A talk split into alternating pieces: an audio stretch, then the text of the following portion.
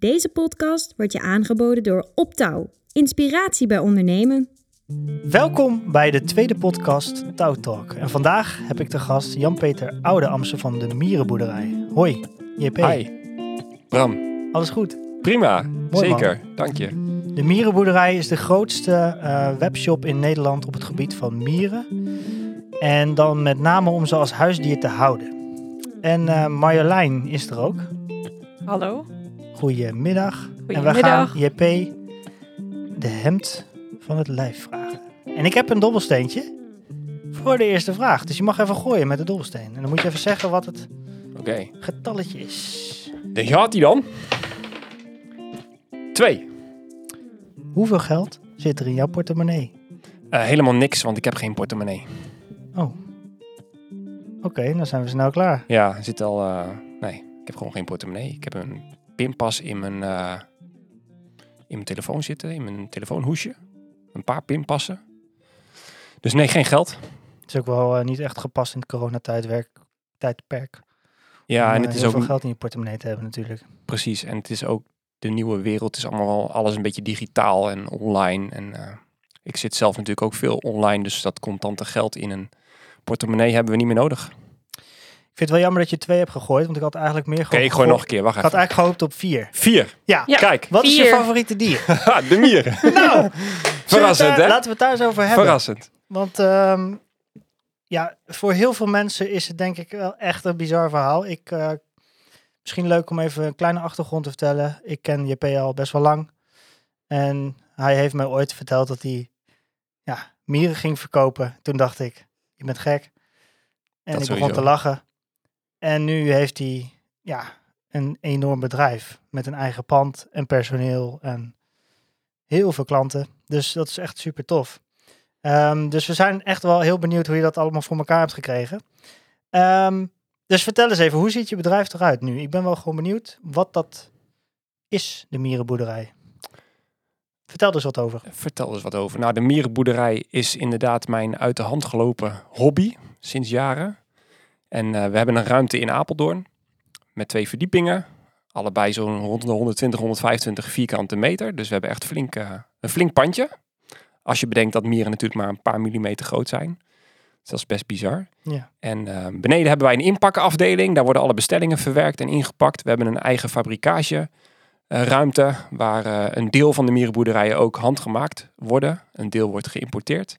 Maar nu ga je heel snel. Want Ik ga eh, heel snel. je- je- ja, je, wil, je wilde de weten hoe het eruit zag. Een deel Dus, van de mierenboerderijen. Kun ja, je dat even vertellen? Wat, Ja, wat is een mierenboerderij? Daar hou je mieren in als huisdier. Hè? Oké, Dus dat zijn de producten waarin je mieren kunt bekijken. ja.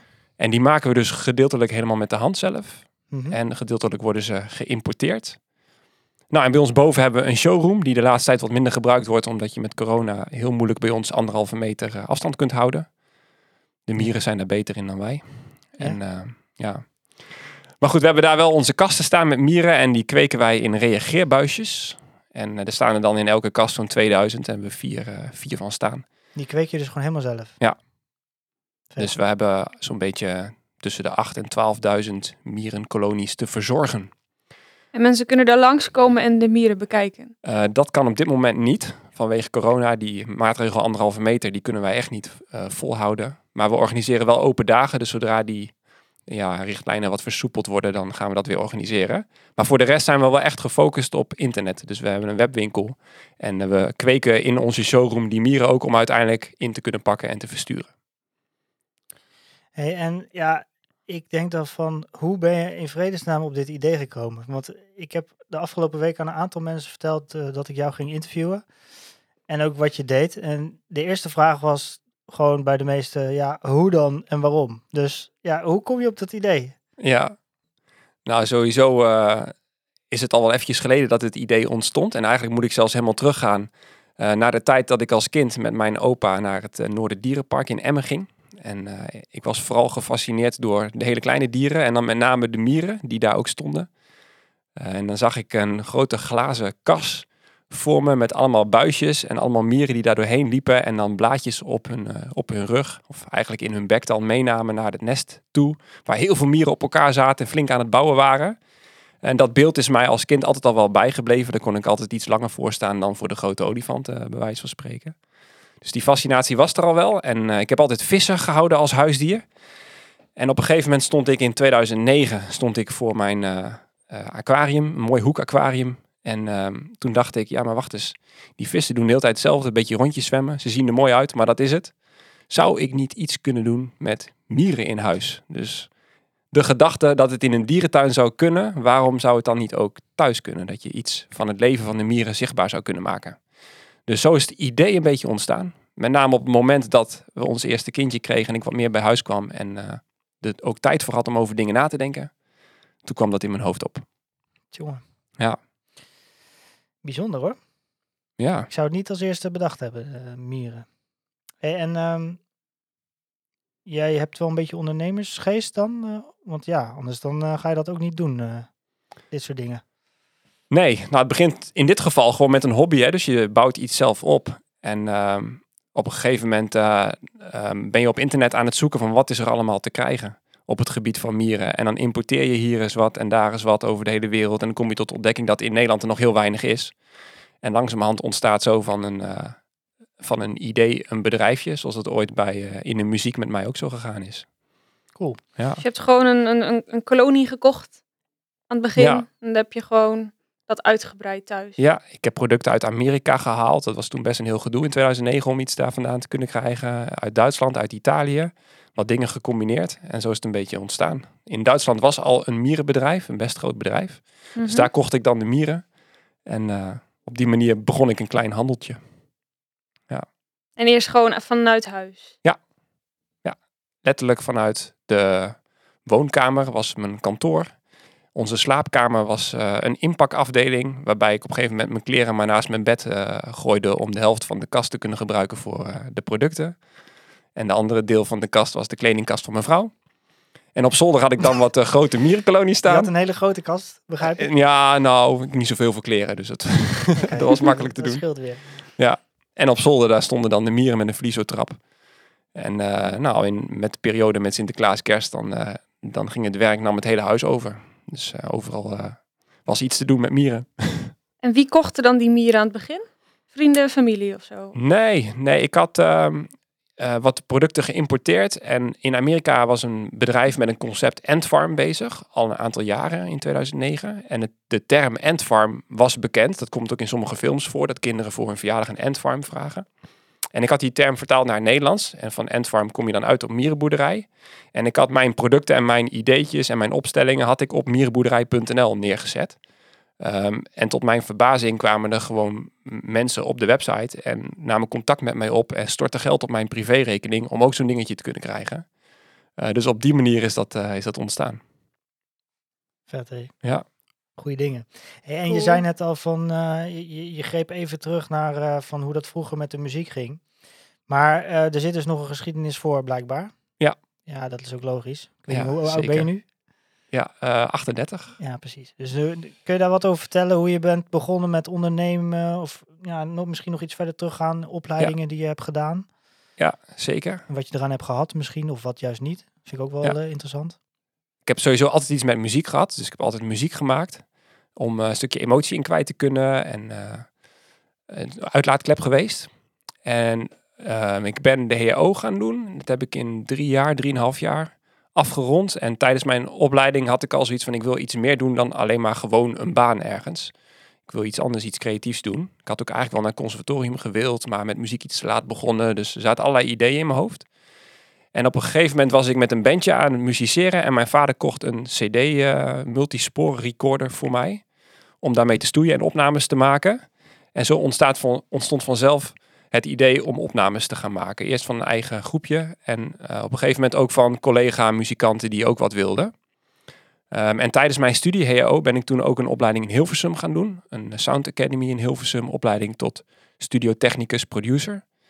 Um, en dat heb ik in een half jaar, dat was een part-time opleiding, uh, daarnaast gedaan. En ondertussen ben ik dus die opnames gaan maken. Dus en een stukje educatie en in de praktijk er gewoon mee bezig gaan. En wat in dat was in 1999, 2000 dat ik begon. Wat toen nog niet bestond, nog niet veel bestond, waren websites uh, van studio's, van um, eh, muzikanten en dergelijke. Dus ik ben toen een website gaan maken. JP Music was toen mijn bedrijfsnaam. En ik had de website jpmusic.nl opge opgezet. En tot mijn verbazing, omdat ik dus de enige was, ja, de Wisseloord Studios hadden een website om zichzelf een beetje te presenteren. Maar verder was er vrijwel niets. Uh, kwamen uit het hele land allemaal vragen om uh, nou ja, een demootjes op te nemen, zang op te nemen. Dus er werd vanzelf een bedrijfje geboren door dat idee om die website neer te zetten. Dus, pionier eigenlijk. Ja, en toen dacht ik, oké, okay, ik heb zelf niet het geld en de kennis om echt een groot bedrijf van te maken. Dus ga ik dit alleen blijven doen of niet? Dus na een paar jaar heb ik een post ergens op een website gezet. En toen kwam, een, uh, kwam ik in contact met iemand uit Zwolle. En toen zijn we samen Studio Forte gestart. In 2003 officieel. Dus sindsdien uh, een studio uh, gehad in de muziek. Nou, en na een heel aantal jaren is dat vanzelf is de muziek wat afgenomen. De, vragen die, die werden, de vraag werd wat minder, omdat iedereen thuis ook prima demootjes kan maken en muziek kan maken. En ja. uiteindelijk, nou, mijn kennis, mijn collega doet dat nog steeds. En ik ben de overstap gemaakt van de muziek, heb ik gemaakt naar de mieren. Jongen. Ja. Cool man. Dus het is niet per definitie zo dat ik altijd de behoefte heb gehad om ondernemer te willen worden. Maar ik heb wel gewoon echt mijn hart willen volgen en leuke dingen willen doen. En uh, gekeken naar wat past dan het beste. En automatisch werden dat ondernemingjes steeds eigenlijk. En wat, wat ligt het qua ondernemen dichtst bij je, zeg maar? Wat, wat vind jij uh, de grote voordelen aan het ondernemen? Uh, ja, sowieso is het natuurlijk het, het, feit dat je eigen baas bent. Dat je kunt bepalen hoe je je bedrijf vormgeeft, hoe je je werk vormgeeft. Daarbij moet ik wel zeggen dat uh, je als ondernemer ook te maken krijgt met de minder leuke dingen.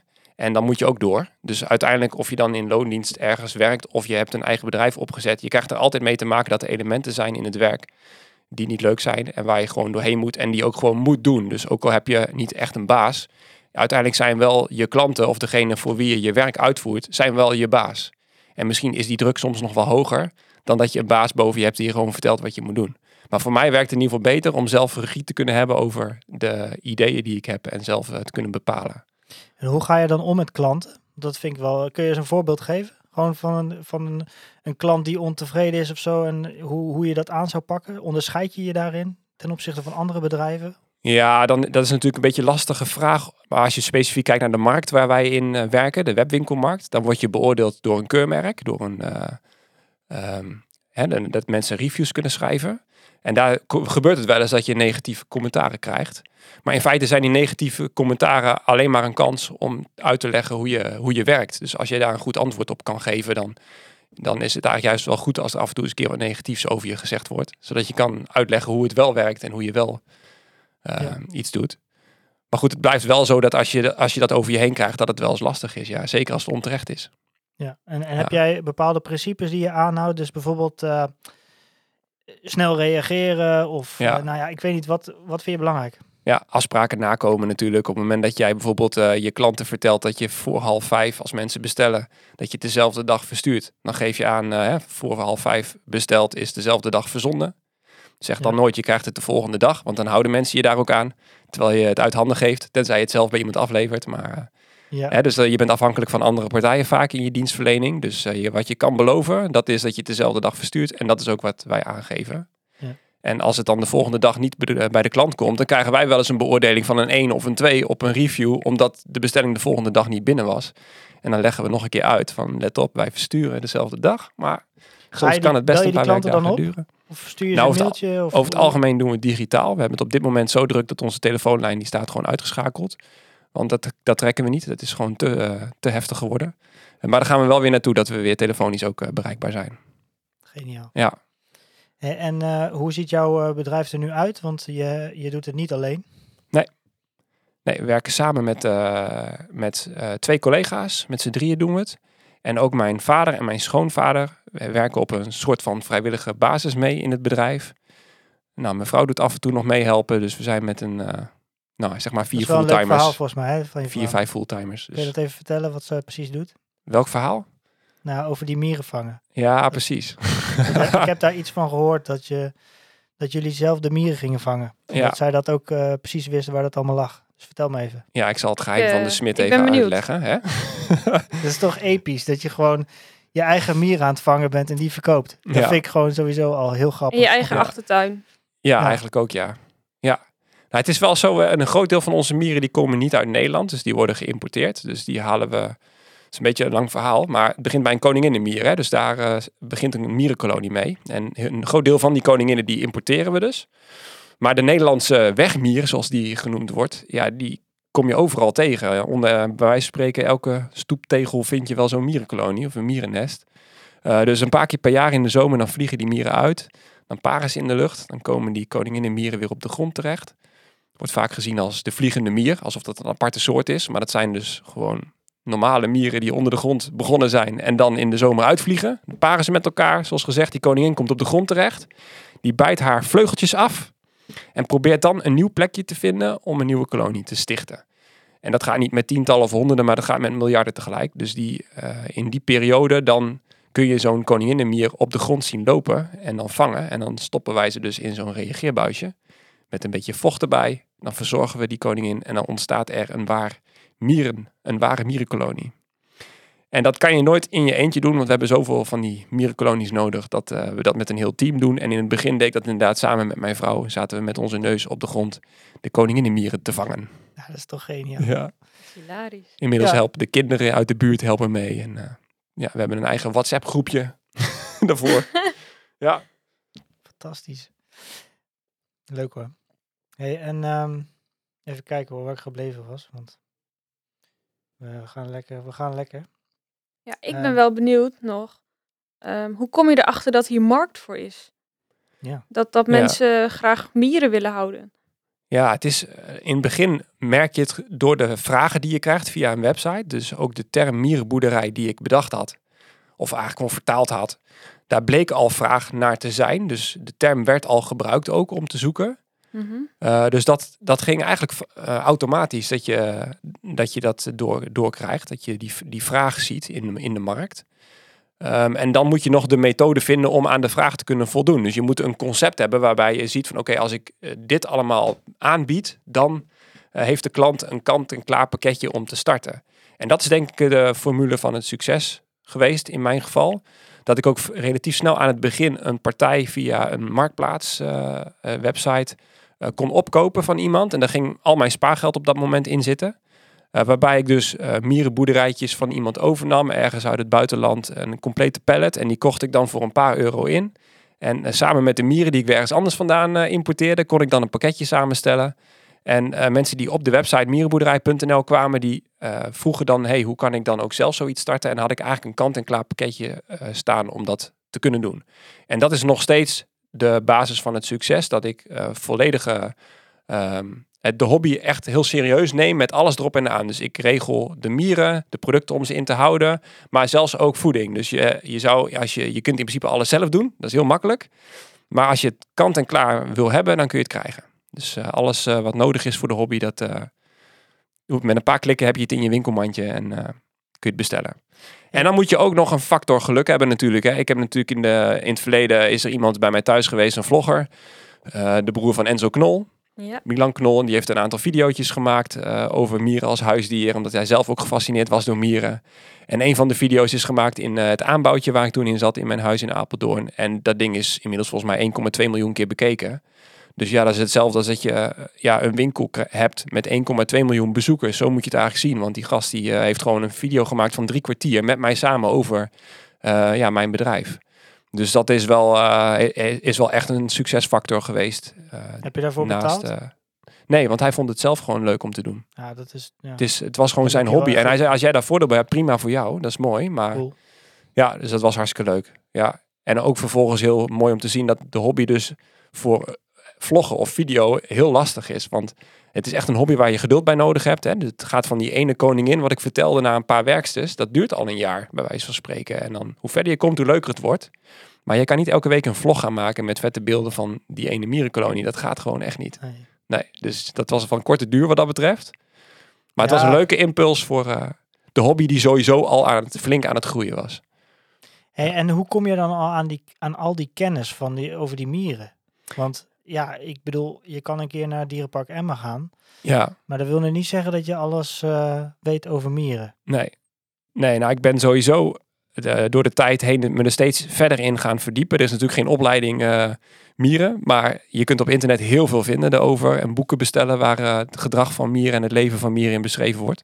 Dus het is echt een kwestie van zelfstudie en jezelf verdiepen erin geweest om eh, de kennis van op te doen. Tof. Ja. Maar doordat, En- even terug nog naar dat Enzo Knol eh, of Milan Knol verhaal. Is daardoor de boel, de handel echt ontploft? Of was het daarvoor al gewoon dat het keihard liep? Of, want ja, het kost natuurlijk wel superveel tijd om zoiets op te bouwen, eh, Ja, natuurlijk. Zo'n zo'n webshop. Ja, het is, het is natuurlijk lastig om te bekijken van hoeveel markt is voor zo- zo'n soort idee. Want het is iets heel specifieks. Hè? Het is echt een niche-markt. Ja. Ehm, maar als iemand met zo'n achterban, met een miljoen volgers of zo, daar video's over gaat maken, ja, dan, dan zie je wat voor een effect dat heeft. Dus het heeft een heel grote invloed gehad op het bedrijf op dat moment. Kan je eens En- vertellen hoe dat ging toen, in die tijd? Ja, de eerste keer dat hij een video online zette was ehm, eh, met het product wat hij bij, zelf bij mij had gekocht in de webwinkel. En dat product, dat bestond, dat was een, dat noem ik nou de T-farm. Een product met zand onderin en een arena bovenin, waar die mieren dan hun voeding kunnen halen en afval kunnen wegbrengen. En dan zitten ze, leven ze in het zandgedeelte onderin, wat je dan kan zien. Eh, wat normaal gesproken dus onder de grond gebeurt. En die dingen bestonden uit plaatjes, kunststofplaatjes, die ik op maat bestelde en daarna eh, in elkaar lijmde. En ehm, ik kon er in 20 minuten kon ik zo'n product wel maken. Dus dan deed ik er drie in een uur. En als eh, mijn vrouw me meehielp, dan konden we eens een keer zes of zeven in een uur doen. En nadat het videootje online was en hij zijn mieren losliet, toen werd, werd dat ding zoveel besteld dat we op een gegeven moment de hele we- webwinkel een hele week hebben dicht moeten doen. Omdat we dat gewoon niet konden maken. Dat ging, dat ging gewoon echt niet. En toen hebben we aangegeven dat we die hele week zouden gebruiken om die dingen te maken. En dan op vrijdagmiddag om vier uur zouden we dan de webwinkel weer open doen. En hadden wij dus de tijd om nog even alles in te pakken en voor te bereiden in het weekend. En dan op maandag zouden we dan die, aan die vraag kunnen voldoen. Dus toen ben ik in die week heb ik overal eh, ben ik heel Nederland doorgereden om van die plaatjes te halen, om lijm te kopen. eh, allemaal mensen aan het werk gezet. Zelf een paar keer tot drie, vier uur s'nachts doorgewerkt om een enorme voorraad te maken. En toen op vrijdag die winkel open weer. En eh, nou ja, de beuk erin. Dus dat heeft een enorme invloed gehad. Los van het feit dat ik denk dat uiteindelijk de hobby in Nederland sowieso wel zo groot was geworden. Alleen had het wat langer geduurd. Want de interesse in mieren als huisdier was dus al aanwezig. Eh, het is nu alleen versneld, daardoor denk ik eh, heel bekend geworden. En jij hebt eigenlijk ook gewoon die hobby aangewakkerd, denk ik dan. Ja. Met jouw producten. Ja. Ja, dat is de basis eh, Kijk, en geweest. als jij dan de enige Ja. bent waar ze spullen kunnen kopen op Ja. een gegeven moment, ja, dan komen ze natuurlijk terug allemaal als het leuk is. Ja, er zijn nog steeds, eh, er zijn nu inmiddels meerdere winkeltjes in Nederland die de, hè, online die dat wat verkopen op hobbyniveau of professioneel niveau. Eh, maar doordat je de eerste bent en vooral ook de kant-en-klaar totale pakketten hebt, daardoor eh, blijf je wel, eh, nou ja, goed, de belangrijkste speler in deze markt, ja. ja. En langzamerhand ook steeds meer richting Europa, omdat mijn producten die, ja, die wij maken, zeker de handgemaakte producten, die zitten zo goed in elkaar. Ja, dat wordt niet zomaar nagemaakt. Dus dat zie je wel. Heel veel internationale klanten die ook reageren van... joh, wat jullie aanbieden, dat is echt het best wat, wat er te krijgen is. Dus dat is heel leuk om te horen. Welke landen exporteer je al? Ja, ja heel Europa. Dus alles wat binnen de, douane-unie valt... Daar, kunnen we, daar kunnen we de insecten naartoe sturen. Hè? Dus mieren met name. Ja. En eh, alles wat daar buiten valt, dat gaat niet. Dan, eh, Dat mag gewoon niet. Nee. dan moet je eh, veterinaire documenten moet je dan aanvragen. Moet je keuringen laten doen door artsen, door dierenartsen. Dus dat gaat dan per zending om een paar duizend euro. Ja, dat, eh, dat wordt hem niet. Dat kan niet uit. Nee. Nee. En mieren kun je gewoon in pakketjes verzenden over Ja. de hele wereld. Eh, niet over de hele wereld. Binnen, Ja, ja, binnen- binnen, ja. Europa kunnen we dat doen. Ja, en het is eigenlijk binnen Nederland is dat iets wat ehm, qua wetgeving lastig ligt. Dus officieel in de algemene vervoersvoorwaarden staat geen levende dieren versturen. En dat is in andere EU-landen ligt het, is het veel makkelijker. Daar is dat gewoon toegestaan. Dus in Nederland gebeurt het onder de voedseldierennoemer. en daar vallen insecten ook onder. Dus daar kun je dan een specifiek contract krijgen, eh, voor krijgen of afspraken maken. Wij werken dan via DL. En daar hebben we afspraken over gemaakt. En vertegenwoordiger een keer langs gehad om te kijken hoe het versturen. En op die manier eh, dat ingekaderd. En krijg je ook negatieve reacties op het kweken van mieren? Dat mensen dat eh, onvriendelijk vinden of eh, iets in die richting? Ja, het gebeurt wel eens dat mensen aangeven is het niet hartstikke zielig. En eh, met name richting de dierenbescherming of zo, die ze dan, hè, de Ja. richting die ze willen hebben van wat, wat doe je die mieren allemaal aan. En als je dan doorpraat met die mensen, dan blijkt dat ze ook mierenlokdoosjes gebruiken in hun tuin. Of kokend water eroverheen gooien. En dan denk ik wel eens, oké, maar wat is nou precies je probleem? Kijk, het punt is, eh, huisdieren in het algemeen vind ik best wel zielig eigenlijk. Want de meeste dieren die komen niet in hun natuurlijke habitat terecht. Hè. Dus een, eh, een hond in huis, ja, die zit dan in de woonkamer en die kan niet achter de schapen aanrennen. Een vis gooien in een aquarium in plaats van een hele zee. Eh, dus en ga zomaar door met huisdieren. Hè. Konijnen die normaal gesproken door een heel weiland huppelen en die stop je in een konijnenhokje. Mhm. Uh, maar het omgekeerde geldt eigenlijk wel voor mieren. Dat op het moment dat je die hu in huis houdt, van die miljarden mieren die er dus uitvliegen, gaat 99, heel veel negentjes uh, gaat gewoon dood. En uh, wij halen een deel van die mieren, die vangen we op en die zetten we in een kunstmatige opstelling waarin we voldoen aan alle eisen die zij nodig hebben. En 50, 60 procent daarvan kweken wij tot gezonde mierenkolonies, die dus in plaats van tussen twee tegeltjes in een net reageerbuisje zitten, zonder gevaar. Dus we doen eigenlijk het omgekeerde. We zijn het leven van heel veel mieren aan het redden. Maar die mensen die daar kritiek op hebben, die zijn natuurlijk ook tegen konijnen.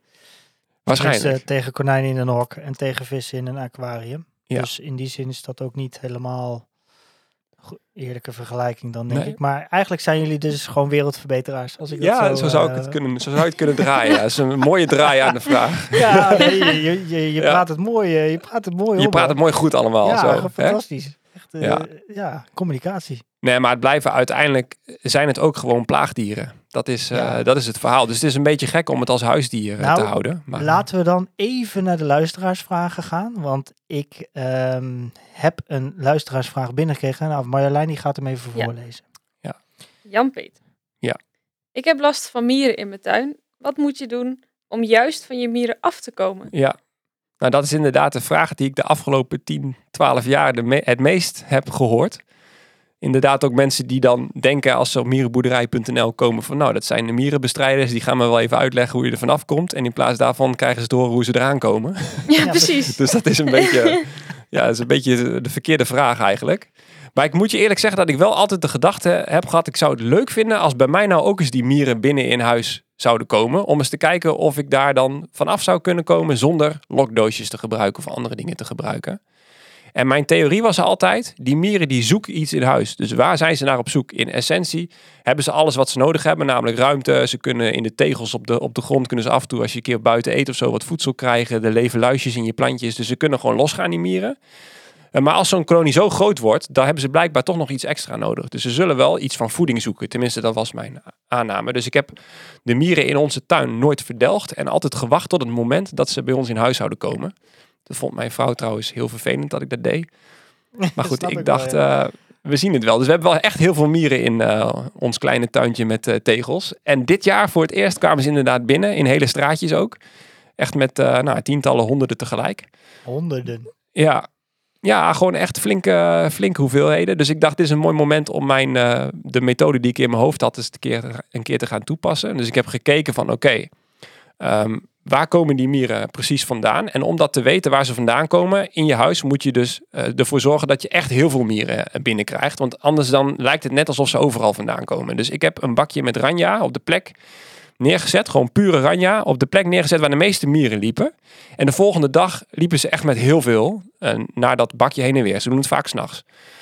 Dus de volgende ochtend zag ik waar ze vandaan kwamen. Namelijk bij ons, we hebben aan twee kanten een deur natuurlijk, een tuindeur en een voordeur. Dus ik zag ze komen uit de tuin, van de tuinkant in elk geval die mieren. Dus toen ben ik het bakje met die ranja ben ik steeds gaan verplaatsen. Vanaf het midden van het huis heb ik het eerst bij de deur neergezet. Nou, dat vonden ze fantastisch, nog meer mieren. Maar ze bleven dus bij dat bakje met ranja bij de deur staan. Verder in het huis kwamen ze niet meer, dus dat was al de eerste oplossing. Als ik helemaal eerlijk ben, moet ik trouwens zeggen dat eerst mijn kinderen en mijn vrouw heel veel van die mieren in het begin hebben doodgestampt. Dat is ook een manier om een deel weg te krijgen, maar ze blijven dan terugkomen. Dus het helpt uiteindelijk eh, echt niet. Ehm, en van de tuindeur aan de binnenkant, bij, eh, bij de deurpost, post, heb ik op een gegeven moment het bakje ranja voor de deur aan de buitenkant neergezet. En inderdaad, de dag daarna geen enkele mier meer binnen, maar alle mieren buiten bij dat bakje ranja. En zo ben ik dag voor dag dat bakje met puur ranja aan het verschonen geweest. Nieuwe ranja erin en steeds iets verder weg. Tot de mieren helemaal niet meer in huis kwamen. En dat werkte in ons geval dus. Dus feitelijk zoeken die manier. mieren iets. Je geeft het ze, maar je zorgt er wel voor dat ze dat op de goede, op de goede plek pakken. Dus ja, en of dat ook werkt met mensen die echt last hebben van duizenden mieren, dat weet ik niet. Maar het loont in ieder geval de moeite om het eens te proberen en ze gewoon te voeren in plaats van ze te vernietigen. Want vroeg of laat, ze komen toch hebben, terug. Moet je wel heel veel geduld hebben, denk ik. Ja, maar met mierenlokdoosjes, dan die zet je neer op bepaalde plekken, maar die mieren ehm, die blijven doorgaan. Dit is een tijdelijke oplossing. Terwijl als je ze voeding blijft eh, geven, dan moet je natuurlijk de eerste paar dagen moet je het verversen. Op een gegeven moment laat je dat bakje gewoon staan. En is klaar. En misschien hebben ze wel in het voorseizoen, want daar is vaak wat mensen er last van hebben, hè, hebben, ze, hebben ze ook extra nodig om bijvoorbeeld die koninginnetjes te kunnen verzorgen. Dus zij hebben tijdelijk misschien extra voeding nodig. En op het moment dat ze het niet krijgen, blijven ze proberen. Op het moment dat ze het wel krijgen, hebben ze die voeding en zijn ze weer klaar. En dan heb je alleen dat je volgend seizoen weer ermee aan de bak moet. Maar dan moet je sowieso, tenzij je je hele tuin uh, onder gaat graven en alle mieren nesten weghaalt, dan heb je er één jaar of twee jaar lol van en dan komen ze daarna wel weer terug. Maar een emmer kokend water helpt dus niet. Nee. Ja, het helpt, natuurlijk helpt het. Alles helpt wel, maar het is allemaal tijdelijk. En een emmer, emmer water of een, of een lokdoosje, dat is iets tijdelijks van zeg een paar weken. En dan daarna krijg je ze weer. Ja, precies. Ja. Dus gewoon Ranja voeren. Ik Gewoon vind het wel- voeren. hij, Ja. hij komt wel echt over als een, als een mierenkoning. Vind je niet? Ik vind echt een Hij mierenkoning. weet, Ja, het toch? Gewoon, hij Ja. weet van alles. Dit is niet mijn specialisme natuurlijk, hè, het bestrijden van Nee, mieren. maar ik vind het wel geniaal Maar, dat je er zo'n antwoord op hebt. Moet ik Ja. zeggen. ja. Had ik niet verwacht. Dus verrassend. Ja, Heel ik heb nog wel wat meer eh, Ja, vragen. eh, kom maar door. Want ik zag op jouw website eh, dat je allemaal verschillende mieren kan, eh, Ja. kopen. Ik zie hier eh, gele weidemier, reuzenmier. Nou, in ieder geval een stuk of tien. Ehm, wat is jouw lievelingsmier? Mijn lievelingsmier is de oogstmier. En waarom? Eh, De oogstmier die verzamelt zaden. En van die zaden maken ze met hun speeksel maken ze een soort brood. En dat voeren ze weer aan hun larfjes. Dus wat je ziet is dat er eigenlijk een soort van boeren zijn. Echte mierenboeren die dus gaan oogsten, zaden verzamelen, verkouwen, er brood van maken. Een soort van boerenbakkers. En die intelligentie die ze nodig hebben om dat allemaal te kunnen doen, dat proces, dat is echt waanzinnig. En dat kun je ook in onze video's bijvoorbeeld wel zien, waar ik ook met eh, de, de, de vlogvideo's en dergelijke, dat die mieren dus zaadjes ook eh, sorteren en in een magazijn stoppen. Hè. Dus bepaalde kamers in het nest, die, die gebruiken ze dan om die zaden te sorteren en te verzamelen. En dat is fantastisch om te zien.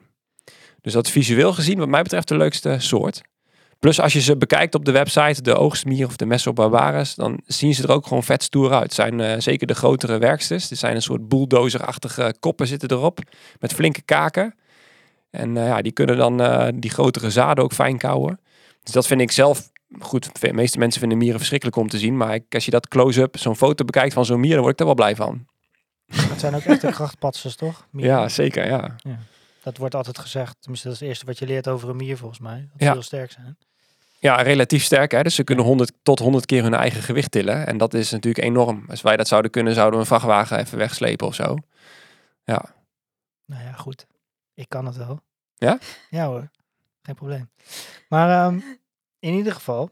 Ik dacht misschien is het nog even leuk om ook ehm, even naar je persoonlijkheid eh, te kijken. Wat, wat vind jij van jezelf de meest toffe eigenschap die je, waar je wat aan hebt bij het ondernemen? Waar heb je het meest aan? Waar heb je het meest aan? Creativiteit is natuurlijk heel belangrijk. Dus altijd denken in mogelijkheden en niet in, eh, hoe zeg je dat, in bedreigingen of zo. Dus, en, en wat het, een van de belangrijkste dingen, denk ik, als je tegenslag hebt, dat je daar iets positiefs van maakt. Dus juist van de dingen die niet goed gaan of die slecht, hè, waar, je, waar je in merkt van oké, dit was een foute beslissing of dit had eigenlijk anders gemoeten.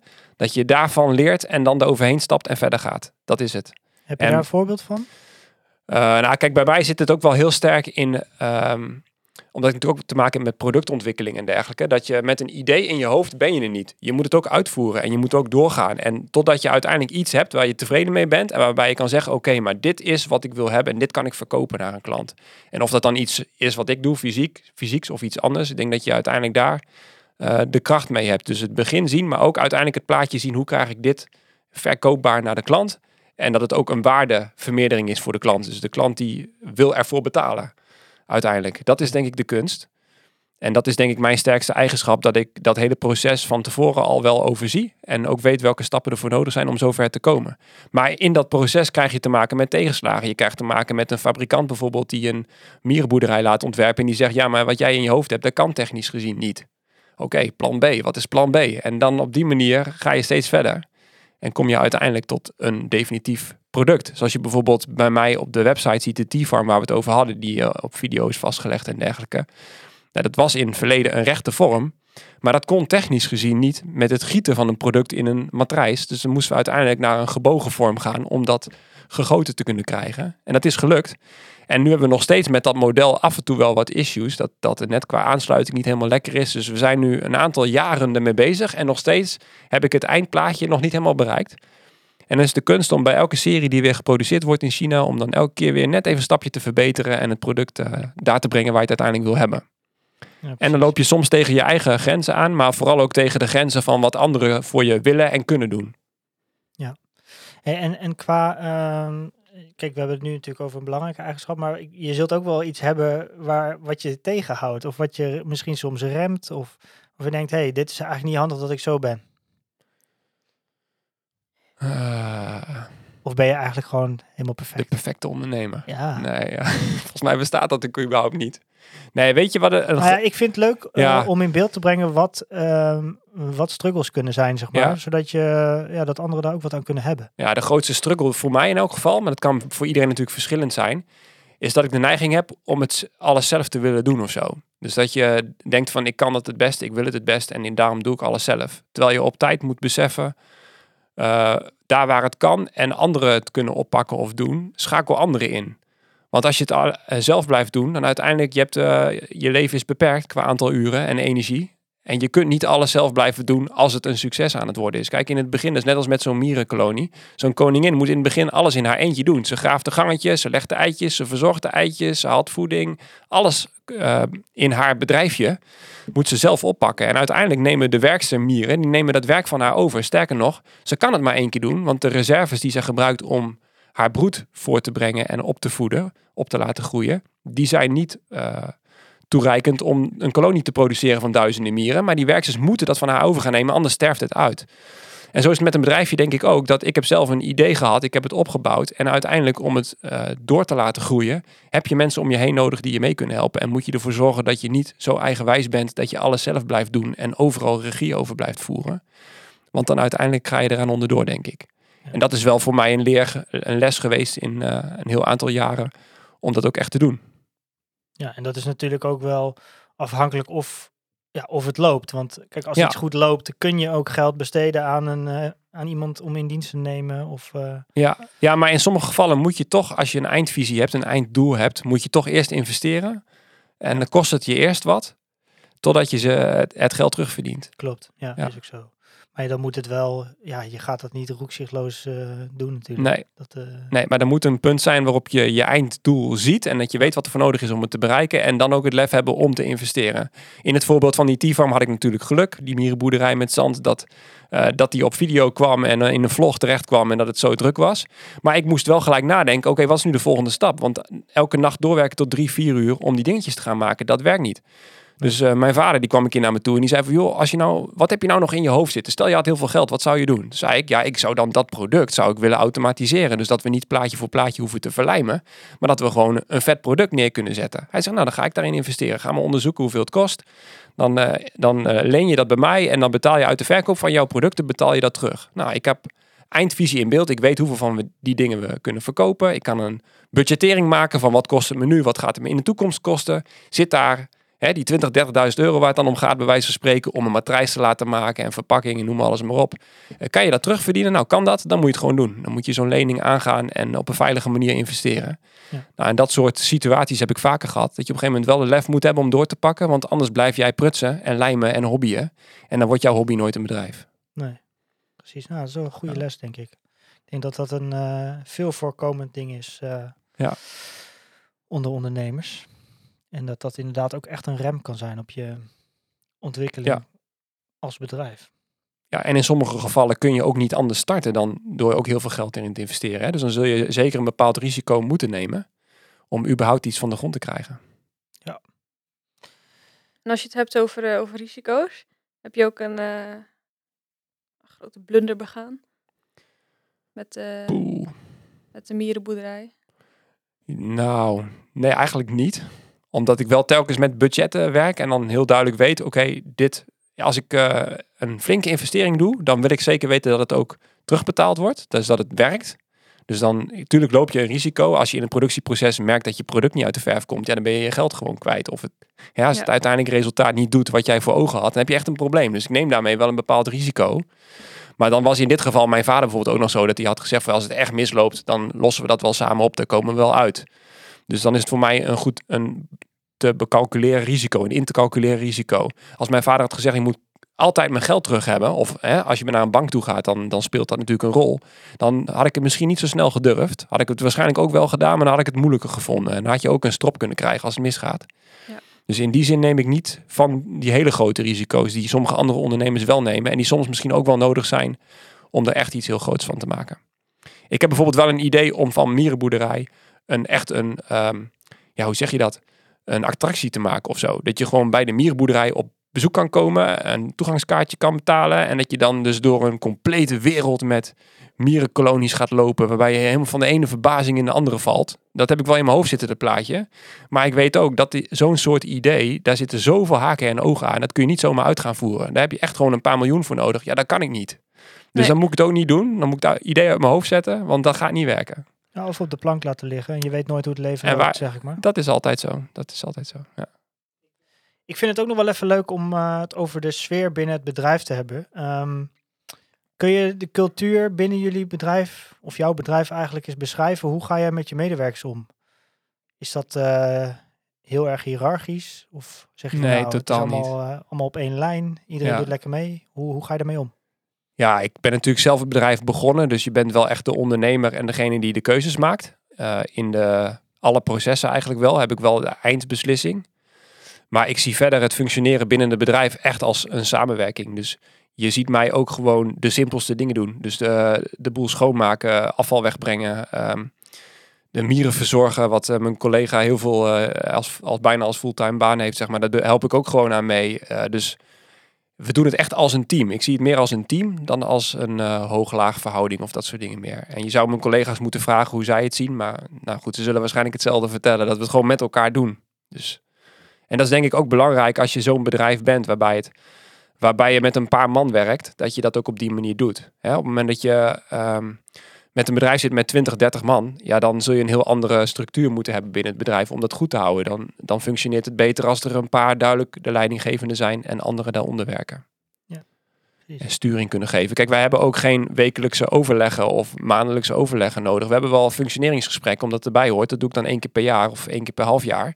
Dat hoort er gewoon bij en dan kan ik de anderen eens een keer goed in de ogen kijken. En kunnen we eens kijken, hoe, wat vinden we van elkaar nog? Hoe gaat het? Eh, hoe zit het met eh, de arbeidsvoorwaarden en dat soort dingen? Dus daar zijn wel officiële gesprekken voor. Maar voor de rest is het echt eh, is het een team. Ah, dat klinkt goed. Ja.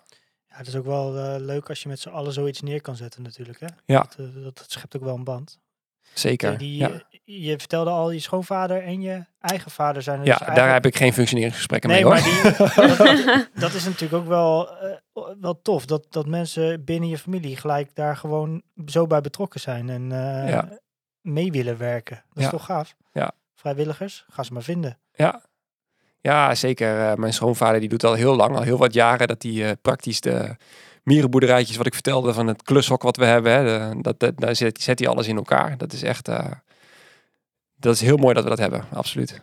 Dat, weer, dat werkt ook wel bij aan de sfeer. Of werkt mee aan de, aan de goede sfeer, Ja. denk ik. Dat soort Ja. dingen. Want dan hebben mensen ook zoiets van, oh, het is gewoon heel leuk om hier te werken of zo. Ja. Denk ik dan. Goed, ik heb er zelf geen ervaring mee bij de mierenboerderij. Maar het Kunnen we een wel- dagje langs? Het klinkt wel leuk. Ja. Ja, zeker. Ja, ik ben Is er wel eens geweest absoluut. trouwens hoor. Ik ben er wel eens geweest. Nou, als die showroom open gaat, lijkt me wel lachen. om Ja. daar, eh, daar Ja, moet je doen joh. Ja, het zal volgend jaar wel weer, eh, weer, weer kunnen, neem ik aan. Ja. Dus eh, Leuk hoor. Nou, het klinkt allemaal echt super tof. Eh, en je vertelde net ook al iets eh, over een dierentuin idee. Zo Ja. noem ik het dan maar eventjes. Eh, wat ergens in je hoofd zit waarvan je denkt dat het waarschijnlijk eh, nog niet gaat worden voorlopig.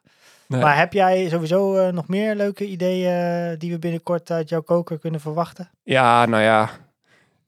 Je- Sowieso blijf je altijd wel als ondernemer over dingen nadenken. Hè? Soms hele stomme dingen, daar doe ik dan niks mee. Maar eh, je hebt bijvoorbeeld, we zijn nu in ons gezin zijn we een gezinshuis aan het, aan het vormen, aan het opstarten.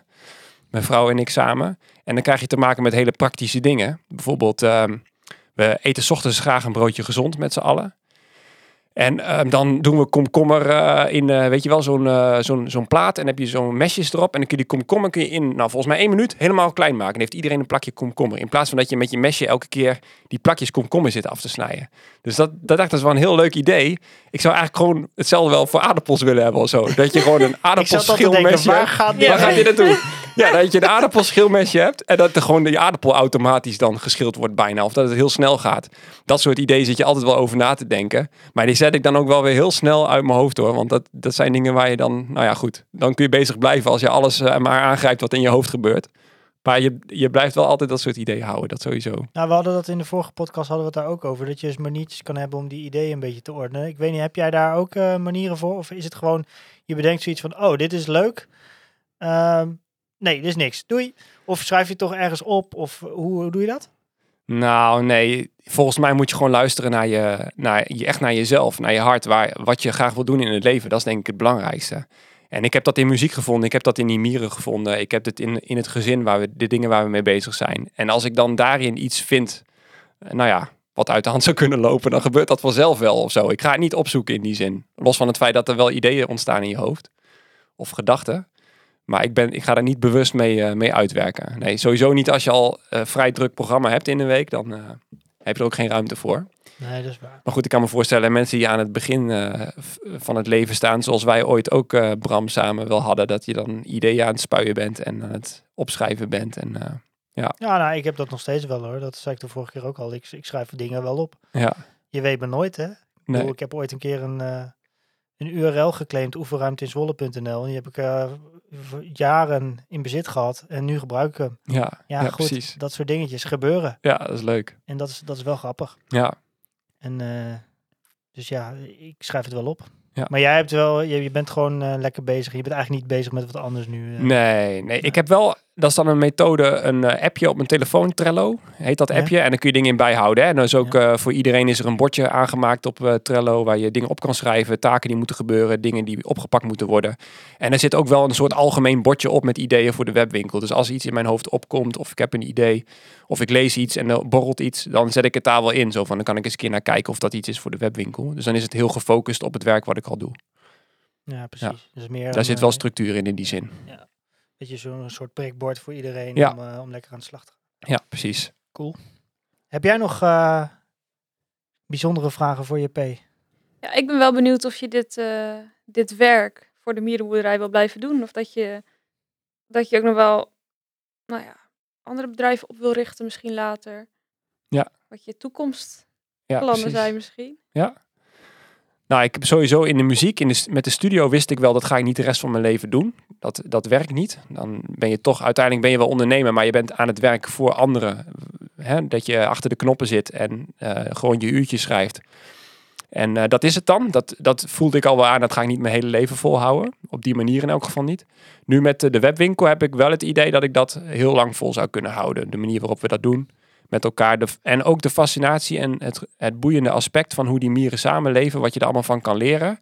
Ja, dat is echt bizar wat er in de natuur zit. Dus dat is iets wat, wat mij zal blijven boeien. Ook al zou ik het bedrijf stoppen of zo.